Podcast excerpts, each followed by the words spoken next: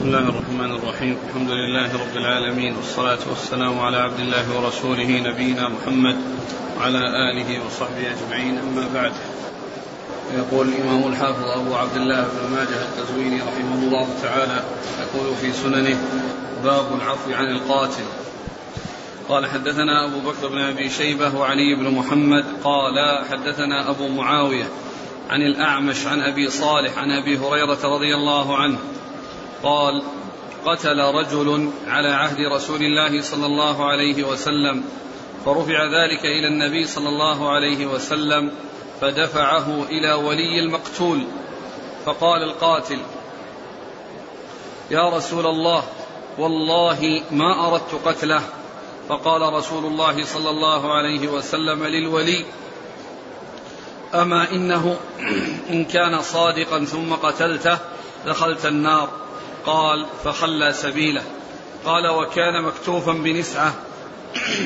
فخرج يجر نسعته فسمي ذا النسعة. قال حدثنا أبو عمير عيسى بن محمد النحاس وعيسى بن يونس والحسين بن أبي السري العسقلاني. قالوا حدثنا ضمرة بن ربيعة عن ابن شوذب عن ثابت البناني. عن أنس بن مالك رضي الله عنه أنه قال أتى رجل بقاتل وليه إلى رسول الله صلى الله عليه وسلم فقال له النبي صلى الله عليه وسلم اعفو. فأبى فقال خذ أرشك. فأبى قال اذهب فاقتله فإنك مثله. قال فلحق به. فقيل له إن رسول الله صلى الله عليه وسلم قد قال اقتله فإنك مثله فخلى سبيله. قال فرؤي يجر نسعته ذاهبا إلى أهله قال كأنه قد كان أوثقه. قال أبو عمير في حديثه قال ابن شوذب عن عبد الرحمن بن القاسم فليس لأحد بعد النبي صلى الله عليه وسلم أن يقول اقتل فإنك مثله. قال ابن ماجه هذا حديث الرمليين وليس إلا عندهم. بسم الله الرحمن الرحيم الحمد لله رب العالمين وصلى الله وسلم وبارك على عبده ورسوله نبينا محمد وعلى آله وأصحابه أجمعين. أما بعد يقول ابن ماجه رحمه الله باب العفو عن القاتل. يعني أن القاتل آه عمدا آه فإنه آه يرغب في العفو عن عن عن قتله وذلك لأن حصل لأنه قد حصل منه القتل وأزهقت تلك النفس. وإذا كان عفي عنه وبقي يعني ذلك الرجل ووفق للخير فكان يعبد الله عز وجل ويحصل منه, ويحصل منه في مستقبل أيامه أمور طيبة فإن ذلك فيه خير. وإن اقتص منه وقتل فهذا حق وأخذ ما يستحقه. لكن جاءت الأدلة دالة على استحباب العفو وعلى الترغيب فيه وعلى طلب العفو من أولياء الدم وأنهم إن لم يحصل منهم العفو فإنهم يتحولون إلى الدية وتلك الدية سواء كانت هي الدية التي آه، مقررة أو آه، ما يتصالحون عليه ولو زاد على ذلك في سبيل الإبقاء على تلك النفس التي آه، التي هي نفس القاتل. ثم ذكر حديثين يعني في موضوع واحد وهو أن رجلا قتل في عهد رسول الله صلى الله عليه وسلم فجاء قاتله فجاء أولياؤه. اللي في الأول قتل رجل على النبي صلى الله عليه وسلم فرفع ذلك إلى النبي فدفعه إلى ولي المقتول. رفع ذلك إلى النبي صلى الله عليه وسلم. يعني رفع أمره إلى النبي عليه الصلاة والسلام فدفعه إلى ولي المقتول. يعني لي لي لي لي ليتصرف كيف شاء إن أراد يقتله قتله وإن أراد أن آه، يأخذ الأرش أخذ وإن أراد أن يعفو عفا. وإن أراد أن يعفو عفا لأن هذا هو الأصل. أن الحق لولي المقتول وأنه إذا آه، حصل لم يحصل العفو فإنه إما القتل وإما الدية. والدية أيضا ليس بلازم أن تكون هي الدية المعروفة المقررة. في حق من كان يعني قاتلا عمدا آه، خطأ أو قاتلا شبه خطأ شبه عمد فإن الأمر يمكن أن يزيد على ذلك على حسب ما يتفقان عليه لأن في ذلك مصلحة وهي إبقاء نفس دون القتل. فرفع أمره إلى النبي صلى الله عليه وسلم فدفعه إلى المقتول. قال فقال القاتل يا رسول الله والله ما أردت قتله. فقال القاتل والله ما أردت قتله. ولكنه لا شك أنه قتله بشيء يعني آه، آآ آه، قاتل.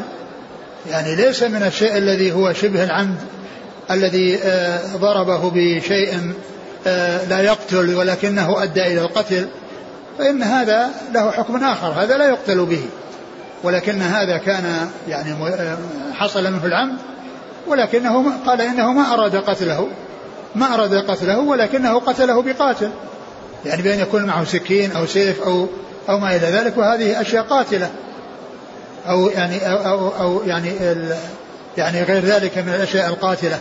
قال ما أردت قتله. يعني كان قتله بالفعل ولكنه ما أراد قتله. نعم مش قال؟ فقال صلى الله عليه وسلم للولي أما إنه إن كان صادقا ثم قتلته دخلت النار. قال أما إنه إن كان صادقا ثم قتلته دخلت النار. يعني كان صادقا بأنه ما أراد لكن الحكم الشرعي الناس لهم الظاهر وأما الباطن حكمه عند الله عز وجل. ولهذا لا يقال يعني هذا لأحد بعد رسول الله صلى الله عليه وسلم كما جاء في الحديث الذي بعد هذا لأن الرسول عليه الصلاة والسلام آه، آه، قال ما قال وفي ذلك تخويف وترهيب وحث على أن الإنسان يعفو ولكن آه، أنه إذا قتل وهو مستحق القتل فذلك سائغ له. إذا قتل وهو مستحق وصاحبه ومن يقابله أو القاتل مستحق القتل فإن هذا أدى ما عليه. فإن هذا أدى ما عليه ولم يكن أخذ بشيء أزيد. ولكن الرسول صلى الله عليه وسلم قال هذا ليراقب في العفو. ليراقب في العفو. قال؟ أما إنه إن كان صادقا ثم قتلته دخلت النار قال فخلى سبيله. فخلى سبيله لما سمع هذا الكلام من رسول الله عليه الصلاة والسلام خلى سبيله وعفى عنه. ولكن لا يقال هذا لأحد بعد يقال هذا يقوله هذا أحد بعد رسول الله عليه الصلاة والسلام بأن يكون قاتلا قال كذا وولي المقتول قيل له كذا وأنه يعني يكون يعني دخل النار لأن الرسول عليه الصلاة والسلام قال ذلك تخويفا وقال ذلك ترغيبا في العفو وليس كل آه، مثل رسول الله عليه الصلاة والسلام وليس كل يستطيع أن يقول مثل هذا الكلام غير رسول الله صلى الله عليه وسلم نعم.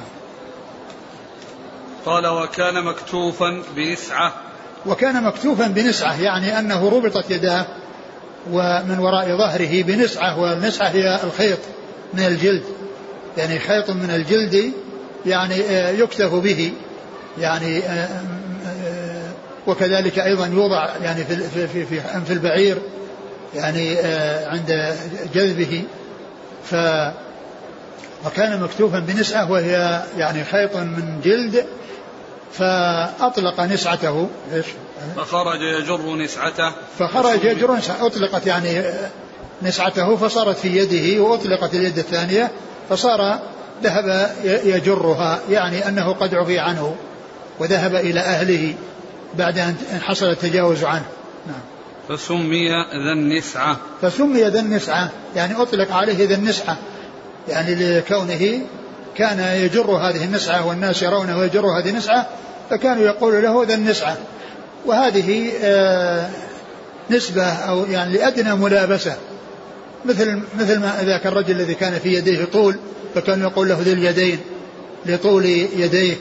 فإن مثل هذه العلامات ومثل هذه اللقاب تحصل لأدنى ملابسة تحصل لأدنى ملابسة. فهذا لما كان أطلق أطلق يعني هذا القيد الذي في يديه فصار بيد واحدة ويجر يعني الطرف الذي أطلق من اليد الأخرى فكانوا يقول له ذي النسعة يعني أنه آه، حصل له هذا الشيء فكانوا يسمونه أو يلقبونه بهذا اللقب. نعم. وعن أنس قال أتى رجل بقاتل وليه إلى رسول الله صلى الله عليه وسلم فقال له النبي صلى الله عليه وسلم اعفو فأبى. فقال خذ أرشك فأبى. قال اذهب فاقتله فإنك مثله. قال فلحق به.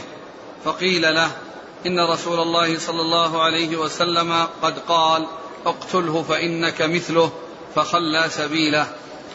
وهذا فيه مثل الذي قبله وفيه تقويف.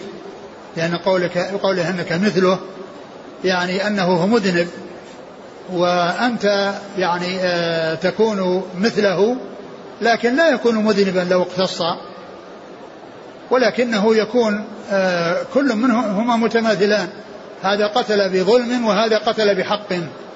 فصار متماثلين في الأصل. والنبي صلى الله عليه وسلم قال ذلك مثل ما قال في الأول يعني ترغيبا له في العفو.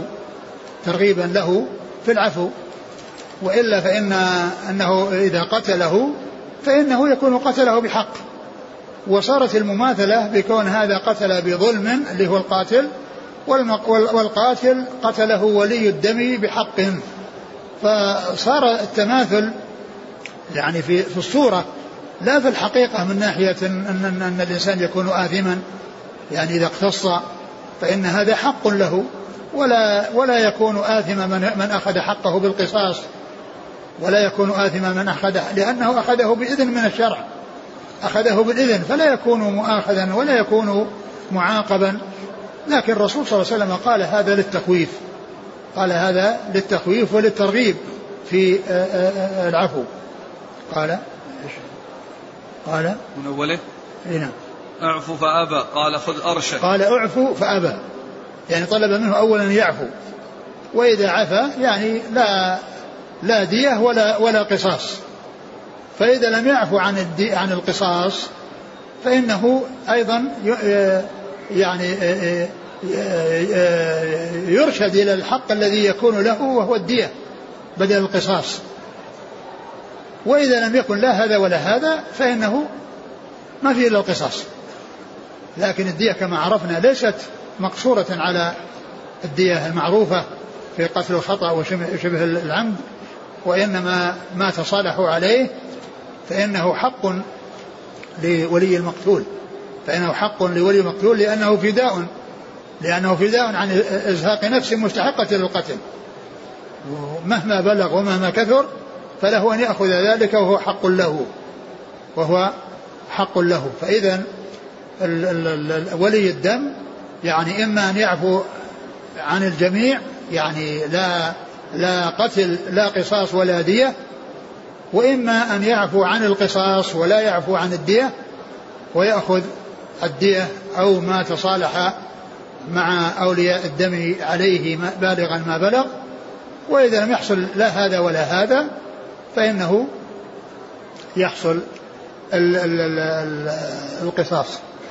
ومن المعلوم أنهم إذا كان إذا كان الورثة يعني فيهم أحد تسامح فإنه ليس لحق للباقين أن أن يطالبوا بل إنه يسقط القصاص بعفو واحد منهم. وهذا يدل على الترغيب في إبقاء النفوس وعدم إزهاقها والترغيب في العفو وأن الوارثين المتعددين لو عفى واحد منهم عن قصاص فإنه يعني آه ليس لأحد أن يطالب بالقصاص بعد أن عفى بعضهم. ولكن بعد ذلك يأخذون الدية أو ما تصالحوا عليه مع آه مع آه صاحب ولي الدم. نعم. قال خذ أرشك فأبى قال اذهب فاقتله فإنك مثله. فإنك مثله يعني أنه آآ آه، آآ آه، آه، يعني هو قاتل وأنت أيضا قاتل إلا أنه هو قاتل بظلم وأنت قاتل بحق. ولكنه قال هذه الكلمة من أجل ترغيبه في العفو ومن أجل تخويفه. نعم. فلحق به. فقيل له إن رسول الله صلى الله عليه وسلم قد قال اقتله فإنك مثله فخلى سبيله. قال فرؤي يجر نسعته ذاهبا إلى أهله. قال كأنه قد كان أوثقه. نعم يعني كونه يجر نسعته يعني معناه أنه كان أوثقه لأن هذا الذي كان يجره كان قبل آه، فك الإيثاق. أو الوثاق كان متصل باليد الثانية لكنه لما أطلق من يد فصار يتدلى ويعني قال كأنه أوثق يعني أن هذه النسعة بسبب أنه فك وثاقه فصار يجر النسعة وهو طرف الخيط الذي في يد قد شدت به اليد الأخرى. نعم. قال أبو عمير في حديثه قال ابن شوذب عن عبد الرحمن بن القاسم فليس لأحد بعد النبي صلى الله عليه وسلم أن يقول اقتله فإنك مثله. نعم يعني هذا الرسول قال قاله الرسول صلى الله عليه وسلم وقال يعني آه ومثل هذا الكلام لا يقال يعني لأحد يقوله أحد بعد رسول الله عليه الصلاة والسلام. نعم. قال حدثنا أبو بكر بن أبي شيبة أبو بكر بن أبي شيبة ثقة أخرجه البخاري البخاري وأصحاب الكتب إلا الترمذي. أبو بكر بن شيبة ثقة أخرج أصحاب الكتب إلا الترمذي. وعن وعلي بن محمد. الطنافسي ثقة أخرجه آه، النسائي في مسند علي وابن ماجه عن أبي معاوية. محمد بن خازم الضرير الكوفي ثقة أخرج أصحاب الكتب. عن الأعمش. سليمان بن مهران الكاهلي ثقة أخرج أصحاب الكتب. عن أبي صالح. ذكوان السمان ثقة أخرج أصحاب الكتب. عن أبي هريرة. نعم. قال حدثنا أبو عمير عيسى بن محمد النحاس. هو؟ ثقة أخرج أبو داود النسائي بن ماجه. نعم. وعيسى بن يونس. وعيسى بن يونس هو؟ صدوق أخرجه النسائي بن ماجه. نعم. والحسين بن أبي السري العسقلاني. نعم. وهو؟ ضعيف أخرجه ابن ماجه. نعم. عن ضمرة بن ربيعة. وهو؟ صدوق يهم قليلا أخرجه. البخاري نعم. المفرد وأصحاب السنن. نعم. عن ابن شوذب. هو عبد الله بن شوذب هو؟ صدوق البخاري المفرد وأصحاب السنن. نعم. عن ثابت البناني. ثقة أخرج أصحاب الكتب. عن أنس بن مالك. نعم. قال قال ابن ماجه هذا حديث الرمليين وليس إلا عندهم. قال هذا حديث الرمليين. المقصود بذلك الشيوخ الثلاثة لأن الأول والثاني يعني كل منه يقال له الرملي ونسبة إلى بلد في فلسطين والذي بعده قال العسقلاني الثالث الذي هو ضعيف أيضا وعسقلان من من من بلاد فلسطين. فيعني قال هو حديث الرمليين يعني إنهم يصيبون إلى الرملة يعني بلد في فلسطين. نعم. قال ابن شوذب عن عبد الرحمن بن القاسم. عبد الرحمن بن القاسم ثقة أخرج أصحاب الكتب.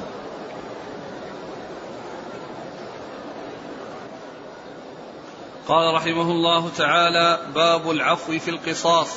قال حدثنا إسحاق بن منصور. قال أنبأنا حبان بن هلال. قال حدثنا عبد الله بن بكر المزني عن عطاء بن أبي ميمونة. قال لا أعلمه إلا عن أنس بن مالك رضي الله عنه أنه قال ما رفع إلى رسول الله صلى الله عليه وسلم شيء فيه القصاص إلا أمر فيه بالعفو. قال حدثنا إسحاق بن منصور قال أنبأنا حبان بن هلال قال حدثنا عبد الله بن بكر المزني عن عطاء بن أبي ميمونة قال لا أعلمه إلا عن أنس بن مالك قال ما رفع إلى رسول الله صلى الله عليه وسلم شيء فيه القصاص إلا أمر فيه بالعفو.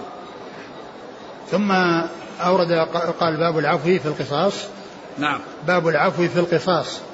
يعني الحديث الذي راح فيه ذكر العفو وفيه الأمر بالعفو حيث قال له اعفو ثم قال لك الأرش وكذلك الحديث الذي قبله.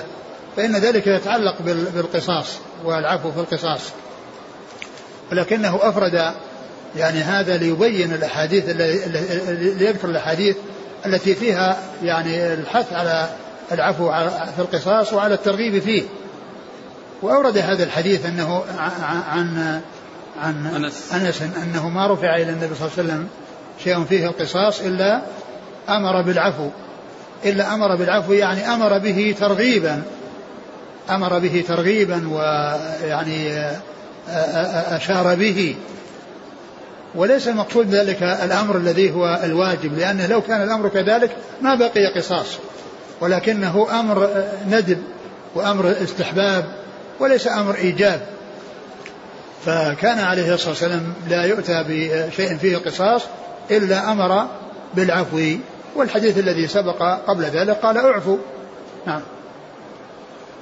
قال حدثنا إسحاق بن منصور.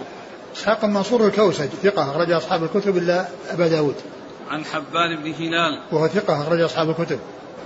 عن عبد الله بن بكر المزني. وهو صدوق أبو داود النسائي بن ماجه. نعم. عن عطاء بن أبي ميمونة. وهو ثقة أخرج أصحاب الكتب إلا نعم. الترمذي. نعم. عن أنس بن مالك. نعم. قال حدثنا علي بن محمد. قال حدثنا وكيع عن يونس بن أبي إسحاق عن أبي السفر. قال قال أبو الدرداء رضي الله عنه سمعت رسول الله صلى الله عليه وسلم يقول ما من رجل يصاب بشيء من جسده فيتصدق به إلا رفعه الله بها درجة أو حط عنه بها خطيئة سمعته أذناي ووعاه قلبي. ثم ذكر حديث أبي الدرداء رضي الله عنه أن أنه قال ما أصيب أحد عن النبي صلى الله عليه وسلم أنه قال ما أصيب أحد في جسده فعفى عنه إلا رفعه الله بها درجة أو حط عنه بها خطيئة سمعته أذناي ووعاه قلبي. يعني هذه العبارة يعني تدل أو المقصود منها تحققه من آه، إضافة ذلك إلى الرسول عليه الصلاة والسلام وهي من الألفاظ المؤكدة لضبط الحديث وإتقانه لأنه قال آه، سمعته أذناي ووعاه قلبي. يعني سمعت سمعت أذن أبي الدرداء صوت رسول الله صلى الله عليه وسلم وهو يتكلم به وضبطه ووعاه قلبه. فهو متحقق من الشيء الذي يضيفه إلى الرسول صلى الله عليه وسلم. وقوله كان كفارة له يعني كفارة لذنوبه يعني يعني يرفع درجة ويحط عنه خطيئة أو يحط عنه خطيئة. والحديث في إسناده ضعف لأن فيه انقطاع بين أبي السفر وبين أبي الدرداء. وبين أبي الدرداء. ولكن آه المعنى صحيح وقد جاء في القرآن. وكتبنا عليهم فيها أن النفس بالنفس ثم قال والجروح قصاص فمن تصدق به فهو كفارة له. فمن صدق به فهو كفارة له. نعم. قال حدثنا علي بن محمد عن وكيع. وكيع بن الجراح ثقة أخرج أصحاب الكتب. عن يونس بن أبي إسحاق. وهو صدوق يهم قليلا أخرج له. وخرج القراءة ومسلم وأصحاب السنة. نعم. عن أبي السفر. وهو سعيد بن يحمد نعم. ثقة أخرج أصحاب الكتب. نعم. عن أبي الدرداء. أبو الدرداء عويمر رضي الله عنه أخرج له أصحاب الكتب. الأخ أرسل فائدة يقول أن الشيخ الألباني ذكر في السلسلة الصحيحة 2273 ما من رجل يجرح في جسده جراحة فيتصدق بها إلا كفر الله عنه مثل ما تصدق به. أخرجه أحمد بإسناد صحيح. يعني هو بمعنى بمعنى هذا الحديث. وبمعنى يعني وكذلك الذي جاء في القرآن. يعني والجروح قصاص ومن تصدق به فهو كفارة له. نعم.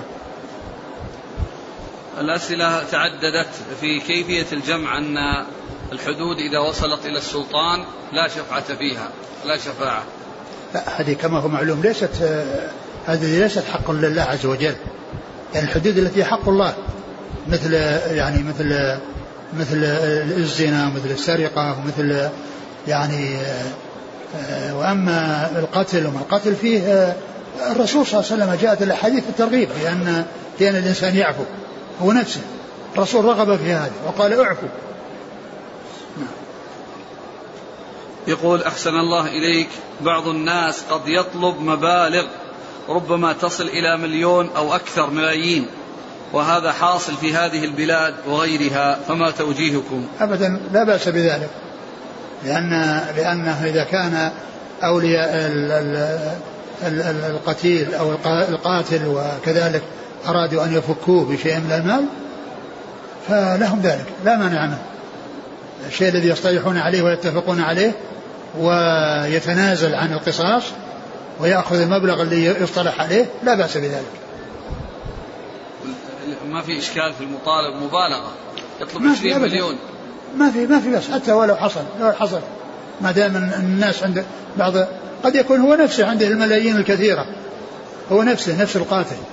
عنده الملايين الكثيرة ويريد أن يفتك نفسه. نعم يقول فضيلة الشيخ هل لولي الأمر أن يحدد مقدارا معينا من المال؟ لا يمكن الزيادة عليه إذا عفى أولياء المقتول مقابل مال يصالحون عليه. ليس الذي يبدو أنه ليس له ذلك لأن هذا معناه أنهم يختارون القتل. يختارون القتل ما دام أنهم ما في شيء يرضيهم يذهبون إلى الأصل. والمحاولات كلها من أجل التخلص من الأصل الذي هو قتل القاتل وإبقائه نعم. عرفنا أن إذا تنازل ولو واحد من أولياء المقتول عن نعم. القصاص نعم. فإنه يسقط بالنسبة للدية هل كذلك إذا تنازل واحد يعني لابد أن يجمعوا على أخذ الدية أو يكفي طلب واحد أو مجموعة العفو هو معلوم أن العفو هو عن القصاص. العفو عن القصاص غير العفو عن الدية. لأن المقصود اللي فيه التنازل الذي فيه إذا تنازل واحد يعني من يسقط القصاص؟ وأما الدية فإنها آه إذا لم يعفو عنها فإنها باقية. ومن عفى عن نصيب من الدية آه، الباقون يأخذون نصيبهم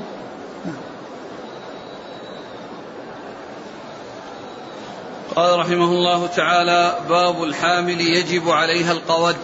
قال حدثنا محمد بن يحيى قال حدثنا أبو صالح عن ابن لهيعة عن ابن أنعم عن عبادة بن نسي عن عبد الرحمن بن غنم عن معاذ بن جبل رضي الله عنه وأبو عبيدة قال حدثنا معاذ بن جبل وأبو عبيدة بن الجراح وعبادة بن الصامت وشداد بن أوس رضي الله عنهم أجمعين أن رسول الله صلى الله عليه وسلم قال المرأة إذا قتلت عمدا لا تقتل حتى تضع ما في بطنها إن كانت حاملة وحتى تكفل ولدها وإن زنت لم ترجم حتى تضع ما في بطنها وحتى تكفل ولدها. ثم ذكر بعد هذا باب المرأة الحامل يجب عليها القود. باب الحامل يجب عليها القود. أو يجب عليها حد الزنا الذي هو يعني الذي هو حد الرجم الذي هو الرجم. فإن وكان إذا كانت حاملا وكانت قاتلة أو كانت يعني زانية فإنها لا فإنها لا ترجم ولا يقتص منها إلا إذا وضعت ما في بطنها.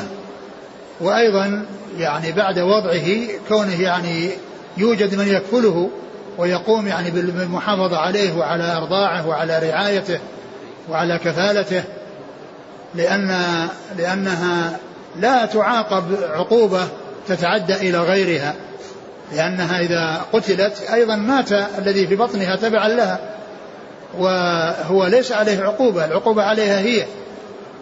ولهذا فإن المرأة التي يجب عليها قصاص ويجب عليها يعني حد زنا فإنها لا يقتص منها ولا ترجم إلا بعد ولادتها وبعد يعني وجود من يكفل ولدها. وإن لم يوجد من يكفله ويقوم به فإنها أيضا تقوم به وتمهل. يعني حتى يعني ينتهي آه، آه، يعني الولد حتى يستغني عن الولد. وإن وجد من يكفله فإنه فإنها تقتل. فإنها تقتل أو ترجم آه،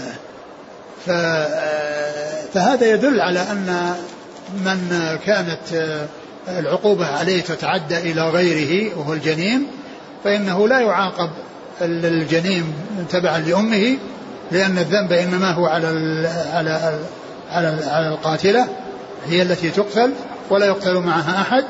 فيؤخر الأمر إلى ولادتها أو يعني من يقوم من يكفله آه، وعند ذلك يمكن القصاص ويمكن الرجم. نعم. المرأة إذا قتلت عمدا لا تقتل حتى تضع ما في بطنها إن كانت حاملا نعم. وحتى تكفل ولدها. نعم. وإن زنت لم ترجم حتى تضع ما في بطنها وحتى تكفل ولدها.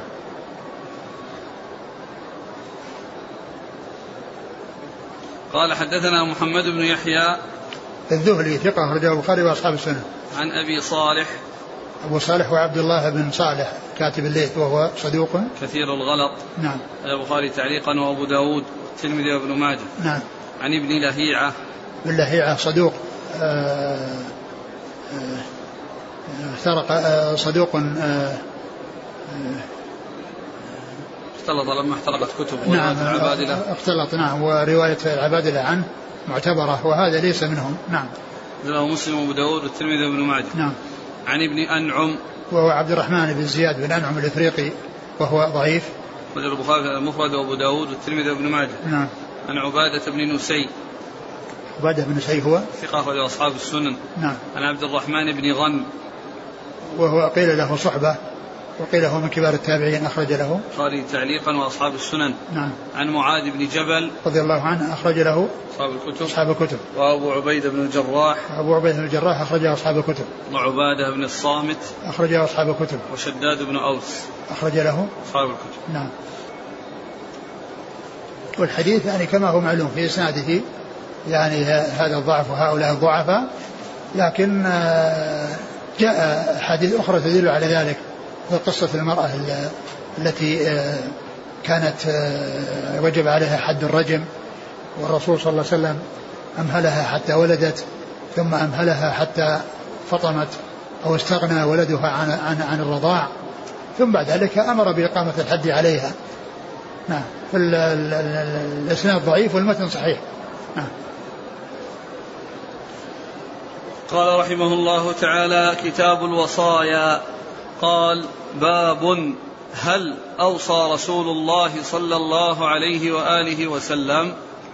قال حدثنا محمد بن عبد الله بن نمير قال حدثنا أبي وأبو معاوية حا قال وحدثنا أبو بكر بن أبي شيبة وعلي بن محمد قال حدثنا أبو معاوية قال أبو بكر وعبد الله بن نمير عن الأعمش عن شقيق عن مسروق عن عائشة رضي الله عنها أنها قالت ما ترك رسول الله صلى الله عليه وسلم دينارا ولا درهما ولا شاة ولا بعيرا ولا أوصى بشيء.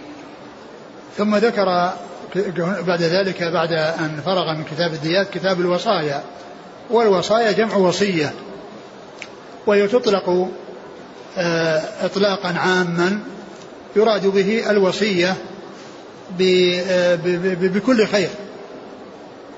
وكذلك أيضا يدخل تحتها الوصية يعني بعد الموت لأنها داخلة في الوصية. هذه وصية وهذه وصية.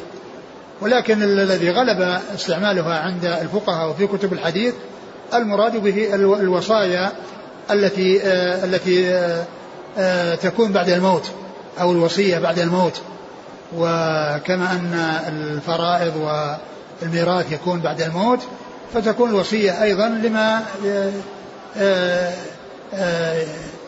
يتصدق به أو يعني يخرجه الميت آه، أو يعني صدقة بعد موته. مثل ما مر بنا المدبر في العتق الذي يعني جعل عتقه عن دبر يعني بعد وفاته يعتق. فهذا مثلها الوصية يعني تكون في وجوه الخير وفي أمور طيبة ولكنها تكون بعد تكون بعد الموت. ولكنها تطلق إطلاقا عاما وقد جاء في القرآن الكريم آيات كثيرة فيها ذكر الوصية في كل ما هو خير. ذلكم وصاكم به لعلكم تعقلون ذلكم وصاكم به لعلكم تذكرون ذلكم وصاكم به لعلكم تتقون. ووصى بها إبراهيم بنيه ويعقوب.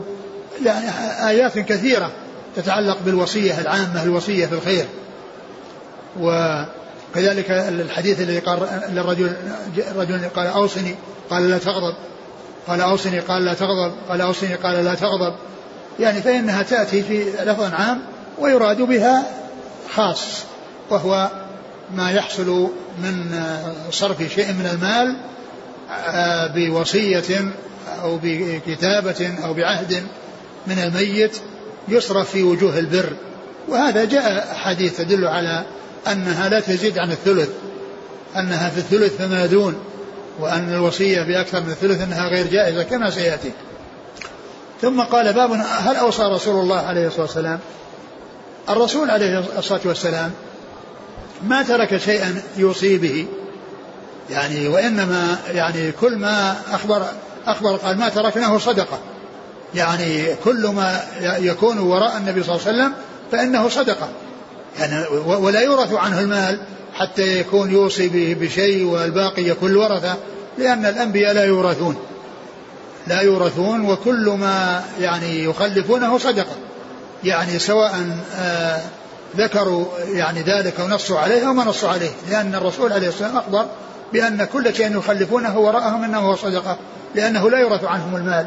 صلوات الله وسلامه وبركاته عليه. لأن سائر الناس سواهم يجمعون المال وإذا ماتوا ورثهم ورثهم أقرباؤهم الذين يستحقون المال بالفرض أو التعصيب. الذين يستحقون بالفرض والتعصيب. وأما الرسل عليهم الصلاة والسلام ما جاءوا لجمع المال وتوريثه لأقاربهم وإنما جاءوا بميراث عام وهو الحق والهدى الذي من أخذ به سعد ومن أعرض عنه خسر. و وميراث النبي صلى الله عليه وسلم هو العلم الذي جاء به. ولهذا جاء في الحديث إن الانبياء إن العلماء ورثه الأنبياء وإن الأنبياء لم يورثوا دينارا ولا درهما وإنما ورثوا العلم فمن أخذ به أخذ بحظ وافر. وميراثهم مبذول لكل أحد ليس لأقربائهم فقط بل لأقربائهم وغير أقربائهم. والموفق هو الذي يكون له نصيب من هذا الميراث. إن إن العلماء ورثة الأنبياء وإن الأنبياء لم يورثوا دينارا ولا درهما وإنما ورثوا العلم فمن أخذ به أخذ بحظ وافر وهو مبذول لكل أحد. بخلاف غيرهم فإن المال الذي يخلفونه إنما يكون لأقاربهم الوارثين. وأما الأنبياء فإنه لا يورث عنهم المال. وما يخلفونه هو صدقة. ما يبقى من ورائهم ومن بعدهم فهو صدقة. وأورد وكذلك أيضا الرسول صلى الله عليه وسلم ما أوصى لأحد في الخلافة ما أوصى لأحد بالخلافة. لا لعلي ولا لأبي بكر ولا لغيرهما. وترك الناس دون أن آه، يعين لهم خليفة لأن الله تعالى أطلعه على أنهم سيجتمعون على خيرهم وأنهم آه، سيحصل منهم الاتفاق دون أن يكون هناك وصية منه. والرسول صلى الله عليه وسلم أراد أن يوصي وأراد أن يكتب كما جاء في الصحيح. قال لعائشة ادعي لأباك وأخاك لأكتب كتابا فإني أخشى أن يتمنى متمني أو يقول قائل أنا أولى. ثم قال عليه الصلاة والسلام ويأبى الله والمسلمون إلا أبا بكر. فترك الكتابة لما أطلعه الله عليه من أنهم سيتفقون برضاهم وبرغبة منهم دون أن يوصى بمبايعته وأنهم سيتفق رأيهم عليه. قال يأبى الله والمؤمنون إلا أبا بكر. وقد أبى الله إلا أبا بكر وأبى المؤمنون إلا أبا بكر. فالرسول عليه الصلاة والسلام ما نص في وصية ما قال الخليفة بعد أبو بكر ولا قال الخليفة بعد علي ولا قال الخليفة فلان وإنما قال آه يأبى الله والمؤمنون إلا أبا بكر. وهذا من أوضح الأدلة التي يستدل بها على أولوية أبي بكر وعلى خيريته. ولهذا بعد وفاته صلى الله عليه وسلم اتفقوا على بيعته. اتفقوا على بيعة أبي بكر رضي الله تعالى عنه وأرضاه. فاتفقوا على خيرهم وعلى أفضلهم. وقد جاء نصوص كثيرة تدل على أولويته لكن لا يوجد منها نص على تعيينه في الخلافة لا هو ولا غيره. ولكن جاء نصوص واضحة جلية تدل على أولويته مثل هذا الحديث. وهذا أوضح ما يستدل به على أولوية أبي بكر وكذلك تقديمه إياه في الصلاة في مرض موته. فإنه لما يعني آه لم يستطع أن يصلي بالناس قال مروا أبا بكر فليصلي بالناس. ثم راجعوه. يعني يريدون أن يجعل غيره قال مروا أبا بكر فليصلي بالناس. ولهذا قال عمر رضي الله عنه يوم السقيفة رضيك رسول الله صلى الله عليه وسلم لأمر ديننا ففلا نرتضيك لأمر دنيانا. وكذلك قال في مرض موته قبل أن يموت بخمس. أني أبرأ إلى الله أن يكون لي منكم خليل. فإن الله اتخذني خليلا كما اتخذ إبراهيم خليلا. ولو كنت متخذا من أمتي خليلا لاتخذت أبا بكر خليلا. قال هذا قبل وفاته بخمس. وهذه منقبة لا تكون لغيره. لأن النبي عليه الصلاة والسلام أخبر عن أمر لا يكون أن لو كان كيف يكون. لأنه قال ولو كنت متخذا من أمتي خليلا لاتخذت أبا بكر خليلا. الرسول صلى الله عليه وسلم لا يتخذ خليلا ولو كان متخذا لكان المتخذ أبا بكر رضي الله تعالى عنه وأرضاه. وكل هذه نصوص تدل على أولويته وعلى حقيته وقد اتفق الناس على بيعته وتحقق ما ما ما أخبر عنه الرسول عليه الصلاة والسلام. فأبى الله إلا أبا بكر وأبى المؤمنون إلا أبا بكر. ثم قال الحديث ما ترك عن عائشة قالت ما ترك رسول الله صلى الله عليه وسلم دينارا ولا درهما ولا شاة ولا بعيرا ولا أوصى بشيء. نعم ما ترك دينارا ولا درهما ولا شاة ولا بعيرا. يعني ما ترك نقودا ولا ترك بهيمة أنعام وإنما آه يعني وإنما ولا أوصى بشيء لأن الحديث الذي جاء أن معاشر الأنبياء لا نورث ما تركناه صدقة فكل ما كان وراءه صلى الله عليه وسلم فهو صدقة. نعم. قال حدثنا محمد بن عبد الله بن نمير. ثقة أخرج أصحاب الكتب. عن أبيه. ثقة أخرج أصحاب الكتب. وأبي معاوية. محمد بن خازم ثقة أخرج أصحاب الكتب. حا قال وحدثنا أبو بكر بن أبي شيبة وعلي بن محمد نعم. عن أبي معاوية. نعم. قال أبو بكر وعبد الله بن نمير عن الأعمش. نعم. عن شقيق قال قال. قال أبو بكر وعبد الله بن نمير. نعم. عن الأعمش. نعم. عن شقيق. الأعمش مر ذكره. هو شقيق بن سلمة أبو أبو وائل ثقة مخضرم أخرج له أصحاب الكتب. عن مسروق. عن مسروق بن أجدع ثقة أخرج أصحاب الكتب. عن عائشة. عن عائشة رضي الله عنها أم المؤمنين الصديقة بنت الصديق. نعم. قال حدثنا علي بن محمد قال حدثنا وكيع عن مالك بن مغول عن طلحة بن مصرف قال قلت لعبد الله بن أبي أوفى رضي الله عنه أوصى رسول الله صلى الله عليه وسلم بشيء؟ قال لا. قلت فكيف أمر المسلمين بالوصية؟ قال أوصى بكتاب الله. قال مالك وقال طلحة بن مصرف قال الهزيل بن شرحبيل أبو بكر كان يتأمر على وصي رسول الله صلى الله عليه وسلم. ود أبو بكر أنه وجد من رسول الله صلى الله عليه وسلم عهدا فخزم أنفه بخزام. ثم ذكر هذا الحديث. قال أوله عبد قلت يقول طلحة بن مصرف قلت لعبد الله بن أبي أوفى أوصى رسول الله صلى الله عليه وسلم بشيء قال لا. قلت فكيف أمر المسلمين بالوصية؟ قال أوصى بكتاب الله. قال سأل طلحة بن مصرف عبد الله بن أبي أوفى رضي الله عنه هل أوصى برسول رسول الله بشيء؟ قال لا لأنه ما أوصى لا يعني ب ب ب يعني بمال ولا بولاية وخلافة وإنما أوصى بكتاب الله وأوصى بالتمسك بالحق والهدى الذي جاء به وأوصى بالعلم الذي بعثه الله به. صلوات الله وسلامه وبركاته عليه الذي هو ميراثه الذي هو العلم النافع الذي في في الأخذ به السعادة وفي الإعراض عنه الشقاوة. هذا هو الذي أوصى به رسول الله عليه الصلاة والسلام. أوصى بما جاء في الكتاب وكذلك السنة داخلة في الكتاب لقوله وما آتاكم الرسول فخذوه وما نهاكم عنه فانتهوا. نعم. أوصى بكتاب الله. قال مالك وقال طلحة بن مصرف قال الهزيل بن شرحبيل. أبو نعم. الهذيل بن شرحبيل. الهزيل. الهزيل بن شرحبيل قال. قال أبو بكر كان يتأمر على وصي رسول الله صلى الله عليه وسلم. ود أبو بكر أنه وجد من رسول الله صلى الله عليه وسلم عهدا فخزم أنفه بخزام. هذا استفهام إنكاري. يعني أيكون أبو بكر يعني يقدم على شيء قد عهد على خلاف ما عهد به الرسول عليه الصلاة والسلام. لو علم أبو بكر أن هناك عهد من رسول الله عليه الصلاة والسلام لأحد من الناس سواء لعلي أو غيره فإنه لا يقدم إلى أن يكون في هذا المكان وفي هذا العمل وإنما يعني يخزم أنفه ويخزم نفسه بالتمسك بهذا الذي جاء به الرسول عليه الصلاة والسلام والأخذ بما جاء به الرسول. وأن الحق يكون لمن عهد إليه الرسول صلى الله عليه وسلم لو كان قد عهد. ولهذا فإن المسلمين لما أجمعوا عليه وأبو بكر رضي الله عنه ما كان يعلم والصحابة ما كانوا يعلمون أن هناك أحد آه، أوصي له. ولا لا أبو بكر ولا غيره ولكنهم فهموا من النصوص التي قالها الرسول عليه الصلاة والسلام في آخر حياته آه، ما يدل على أنه الأولى. ولكن ليس فيه تنصيص لا عليه ولا على غيره.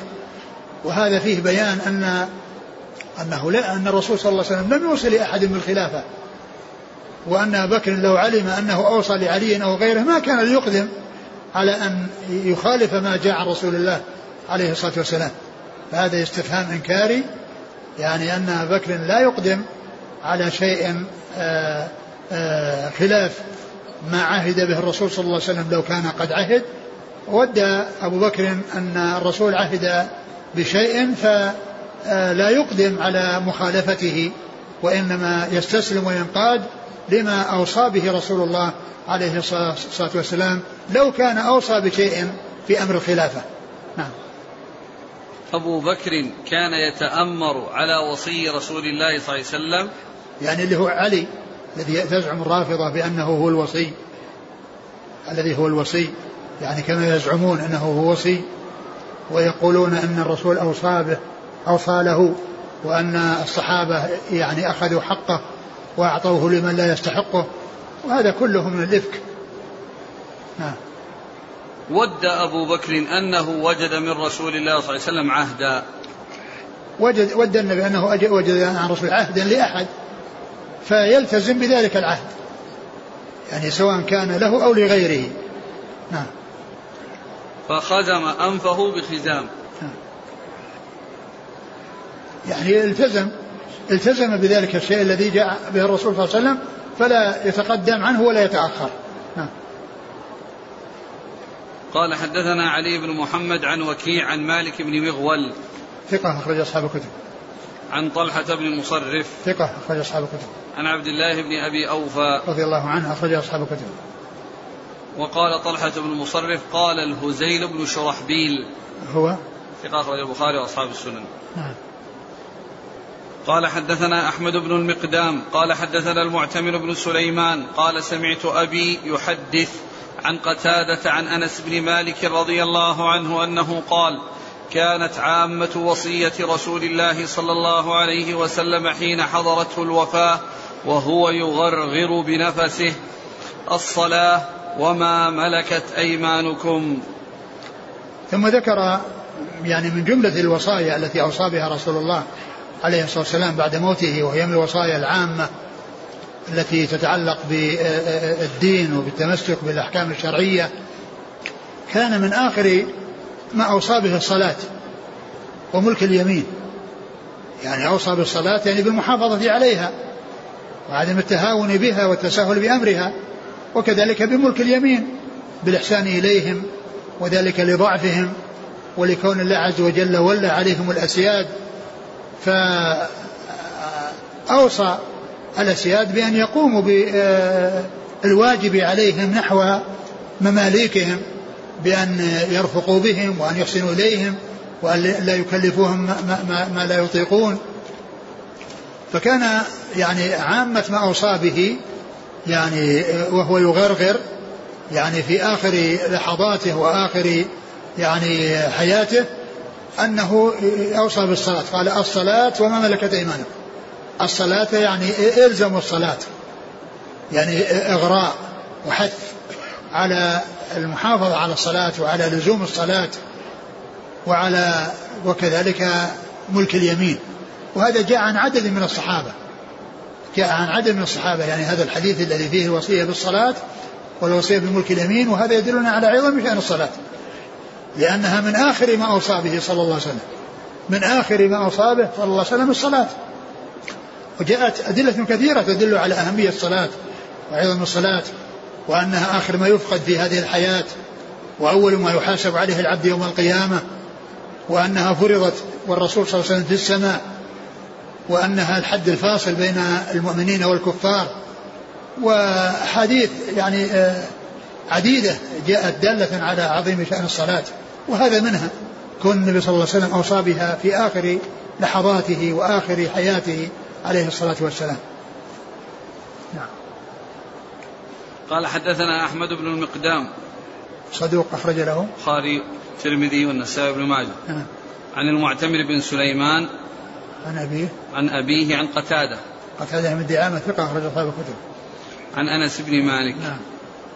قال حدثنا سهل بن أبي سهل. قال حدثنا محمد بن فضيل عن مغيرة عن أم موسى عن علي بن أبي طالب رضي الله عنه أنه قال كان آخر كلام النبي صلى الله عليه وسلم الصلاة وما ملكت أيمانكم. ثم ذكر هذا الحديث عن علي وهو مثل الحديث عن عن أنس المتقدم يعني الوصية بالصلاة وبملك اليمين.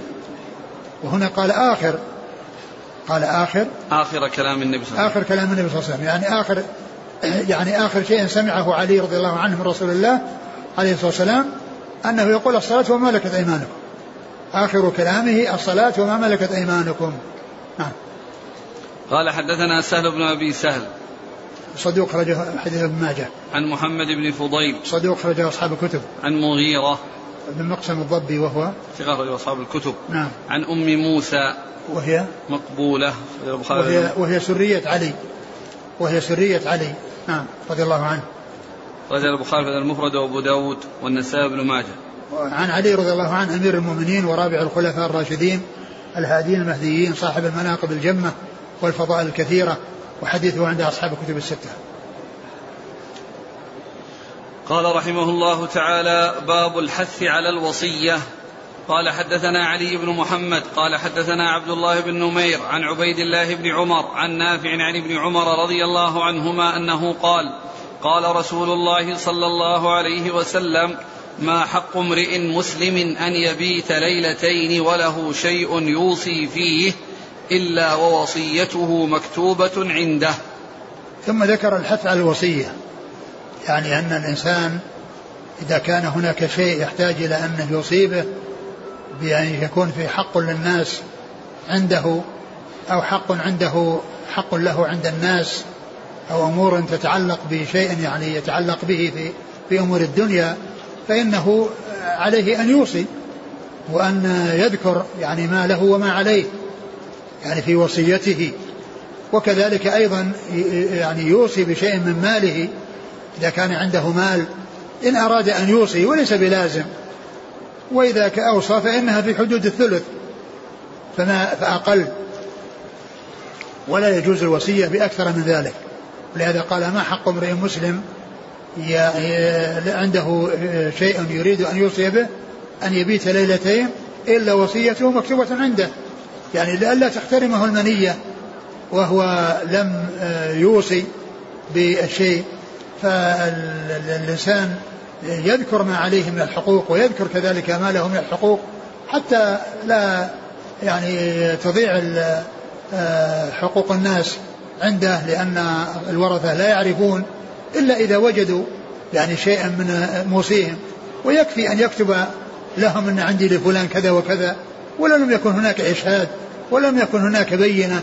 يكفي أن يجدوا آه، عنده كتابة بأن فلان ابن فلان له عنده كذا وكذا وعنده لفلان كذا وكذا وكذلك أيضا يذكر يعني يعني ما له عند الناس يعني حتى لا آه، تضيع الحقوق. نعم. قال حدثنا علي بن محمد عن عبد الله بن نمير عن عبيد الله بن عمر ثقة أخرج أصحاب الكتب. عن نافع عن ابن عمر. نافع مولى بن عمر ثقة أخرج أصحاب الكتب. قال حدثنا نصر بن علي الجهضمي. قال حدثنا درست بن زياد. قال حدثنا يزيد الرقاشي عن أنس بن مالك رضي الله عنه أنه قال قال رسول الله صلى الله عليه وعلى آله وسلم المحروم من حرم الوصية. ثم ذكر هذا الحديث المحروم من حرم الوصية يعني الذي ما حصل منه وصية. والحديث غير صحيح لأن فيه يعني فيه ضعيفان. في إسناده يعني رجلان ضعيفان. فالحديث غير صحيح. والحديث الذي دل سبق يعني يدل على أن الوصية عند الحاجة وعند وجود شيء يراد أن يوصى به. نعم. قال حدثنا نصر بن علي الجهضمي ثقة أخرج أصحاب الكتب وهو شيخ لأصحاب الكتب. عن درست بن زياد وهو ضعيف أخرج له. أبو داود بن ماجه. عن يزيد الرقاشي وهو ضعيف أخرج له. المفرد والترمذي وابن ماجه. نعم. عن أنس بن مالك. نعم. قال حدثنا محمد بن المصفى الحمصي قال حدثنا بقية بن الوليد عن يزيد بن عوف عن أبي الزبير عن جابر بن عبد الله رضي الله عنهما أنه قال قال رسول الله صلى الله عليه وسلم من مات على وصية مات على سبيل وسنة ومات على تقى وشهادة ومات مغفورا له. ثم ذكر هذا الحديث الضعيف الذي أن من مات على وصية لأن الوصية كما هو معلوم هي ليست بلازمه إلا إذا كان هناك أمر يقتضيها. ليس كل أحد يلزمه أن يوصي للحديث المتقدم عنده شيء يريد أن يوصي به. ليس كل من كل يوصي والوصية ليست بلازمة إلا أن المطلوب منها إذا كان هناك أمر يقتضيها حتى لا تضيع الحقوق فإن هذا أمر مطلوب لما فيه من السلامة يعني له ولغيره السلامة لذمته والسلامة لذمة غيره. قال من؟ من مات على وصية مات على سبيل وسنة ومات على تقى وشهادة ومات مغفورا له. نعم. كل هذه أمور طيبة ولكنها ما ثبتت. عن رسول الله صلى الله عليه وسلم. قال حدثنا محمد بن المصفى الحمصي وهو صدوق له أوهام نعم. أبو داود النسائي بن ماجه. نعم. عن بقية بن الوليد. وهو صدوق أخرج حديث البخاري تعليقا ومسلم وأصحاب السنن وهو مدلس وقد روى بالعنعنة وشيخه يزيد مجهول. بن يزيد. يزيد بن عوف. وهو مجهول أخرج له. ابن ماجه. نعم. عن أبي الزبير. أبو الزبير هو محمد مسلم بن تدر الصدوق وهو مدلس وقد روى بالعنعنة. يعني ففيه ثلاث علل. نعم. قال حدثنا محمد بن معمر قال حدثنا روح عن ابن عون عن نافع عن ابن عمر رضي الله عنهما عن النبي صلى الله عليه وسلم أنه قال ما حق امرئ مسلم يبيت ليلتين وله شيء يوصي به إلا ووصيته مكتوبة عنده. ثم ذكر هذا الحديث وهو مكرر الحديث الأول في هذا الباب لأنه أورد يعني حديثين ضعيفين وأورد يعني هذا الحديث ولا يوجد في بعض نسخ ابن ماجه يعني هذا الحديث الأخير. يعني قد يكون ان ان ان, أن الأول يعني هو هو الذي يعتبر وأن هذا الأخير جاء في بعض نسخ ابن ماجه ولم يأتي يعني في بعضها. وهو مكرر الحديث الأول. نعم. قال حدثنا محمد بن معمر. هو البحراني وهو صديق خرج أصحاب الكتب وهو شيخ لأصحاب الكتب. عن روح. روح بن عبادة ثقة خرج أصحاب الكتب. عن ابن عون. عبد الله بن عون ثقة خرج أصحاب الكتب. عن نافع عن ابن عمر. نعم. قال رحمه الله تعالى باب الحيف في الوصية. قال حدثنا سويد بن سعيد قال حدثنا عبد الرحيم بن زيد العمي عن أبيه عن أنس بن مالك رضي الله عنه أنه قال قال رسول الله صلى الله عليه وسلم من فر من ميراث وارثه قطع الله ميراثه من الجنة يوم القيامة. قال حدثنا سويد بن سعيد قال حدثنا عبد الرحيم بن زيد العمي عن أبيه عن أنس بن مالك رضي الله عنه أنه قال قال رسول الله صلى الله عليه وسلم من فر من ميراث وارثه قطع الله ميراثه من الجنة يوم القيامة. ثم ذكر الحيف في الوصية. الحيف في الوصية يعني بأن لا يعدل في الوصية وذلك بأن يحصل منه أمور آه، يعني غير سائغة شرعا بأن آه، يعني يعمل آه، على حرمان من يستحق الميراث أو يعني بأي طريقة من الطرق التي يحول بين الوارث وبين الإرث. يعني من بعده أو أن آه، يوصي لأحد يعني من الورثة فإن هذا يعني أيضا من الحيف. فأورد فيه حديث من هذا الحديث؟ من فر من ميراث وارثه آه، ف... ف... إيش؟ من فر من ميراث وارثه قطع الله ميراثه من الجنة. من فر من ميراث والده بأن عمل أعمالا تحجب أو تحول بين وارثه من أن يرثه. وذلك ب آه، آه، يعني تفريق المال و يعني وإخراجه يعني دون أن يصل إلى إلى إلى الوارث. فإن يعني هذا يعتبر فرارا من توريث الوارث. يعني كونه يحصل منه تبذير المال وتقسيمه في عند مرض موته أو يعني يوصي يعني بوصية فيها حيف يعني تمنعه من الميراث فهذا فيه وعيد. يعني فر من ورث والده بمعنى أنه عمل الأسباب التي تحول بين الوارث والميراث. والميراث حق الله عز وجل جعله للوارث. ليس فيه فضل ولا منة. يعني من الإنسان وإنما هو حق واجب ينتقل يعني من غير رغبة أحد وإنما بأمر الله عز وجل وبشرعه سبحانه وتعالى. نعم. والحديث ضعيف لأن فيه عبد الرحمن بن زيد العمي. عبد الرحيم. عبد الرحيم وأبوه. نعم. قال حدثنا سويد بن سعيد. هو صدوق أخرج له. مسلم وابن ماجه. عن عبد الرحيم بن زيد. وهو؟ متروك نعم. ابن ماجه. نعم. عن أبيه. وهو ضعيف أخرج له. أصحاب السنن. نعم. عن أنس بن مالك. نعم. قال حدثنا أحمد بن الأزهر قال حدثنا عبد الرزاق بن همام قال أخبرنا قال أنبأنا معمر عن أشعث بن عبد الله عن شهر بن حوشب عن أبي هريرة رضي الله عنه أنه قال قال رسول الله صلى الله عليه وسلم إن الرجل ليعمل بعمل أهل الخير سبعين سنة فإذا أوصى حاف في وصيته فيختم له بشر عمله فيدخل النار. وإن الرجل ليعمل بعمل أهل الشر سبعين سنة فيعدل في وصيته فيختم له بخير عمله فيدخل الجنة. قال أبو هريرة رضي الله عنه فاقرأوا إن شئتم تلك حدود الله إلى قوله وله عذاب مهين.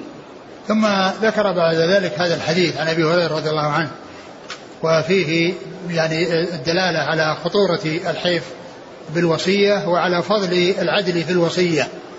وأن من حصل منه يعني يعني في مدة حياته سبعين سنة وكان يعني على يعني على خير ثم حاف في الوصية فإن ذلك يكون سببا في دخوله النار وعقوبته وكذلك العكس بأن يكون طيل حياته وهو يعني جاء يعني على غير طريقة صحيحة ثم يختم له بالعدل بالوصية فيكون منتهى على خير.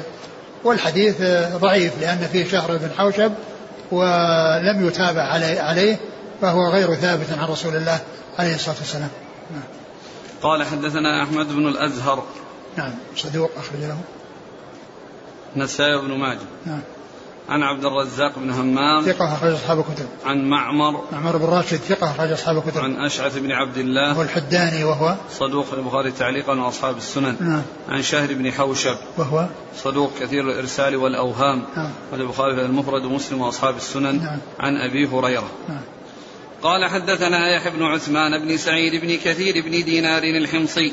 قال حدثنا بقية عن أبي حلبس عن خليد بن أبي خليد عن معاوية بن قرة عن أبيه رضي الله عنه أنه قال قال رسول الله صلى الله عليه وسلم من حضرته الوفاة فأوصى فكانت وصيته على كتاب الله كانت كفارة لما ترك من زكاة ما من زكاته في حياته. ثم ذكر هذا الحديث يعني في ال في ال يعني في, في, في الوصية والعدل فيها وعدم الحي فيها وأن الإنسان وأنها تكون كفارة. إيش من من؟ من حضرته الوفاة فأوصى فكانت وصيته على كتاب الله. نعم. كان من كانت وصيته على كتاب الله لحيف فيها فإنها كفارة لما لما لم يؤدي من زكاته فيما مضى. يعني الزكاة التي كان تركها هذه تكون كفارة لها والحديث غير صحيح. نعم.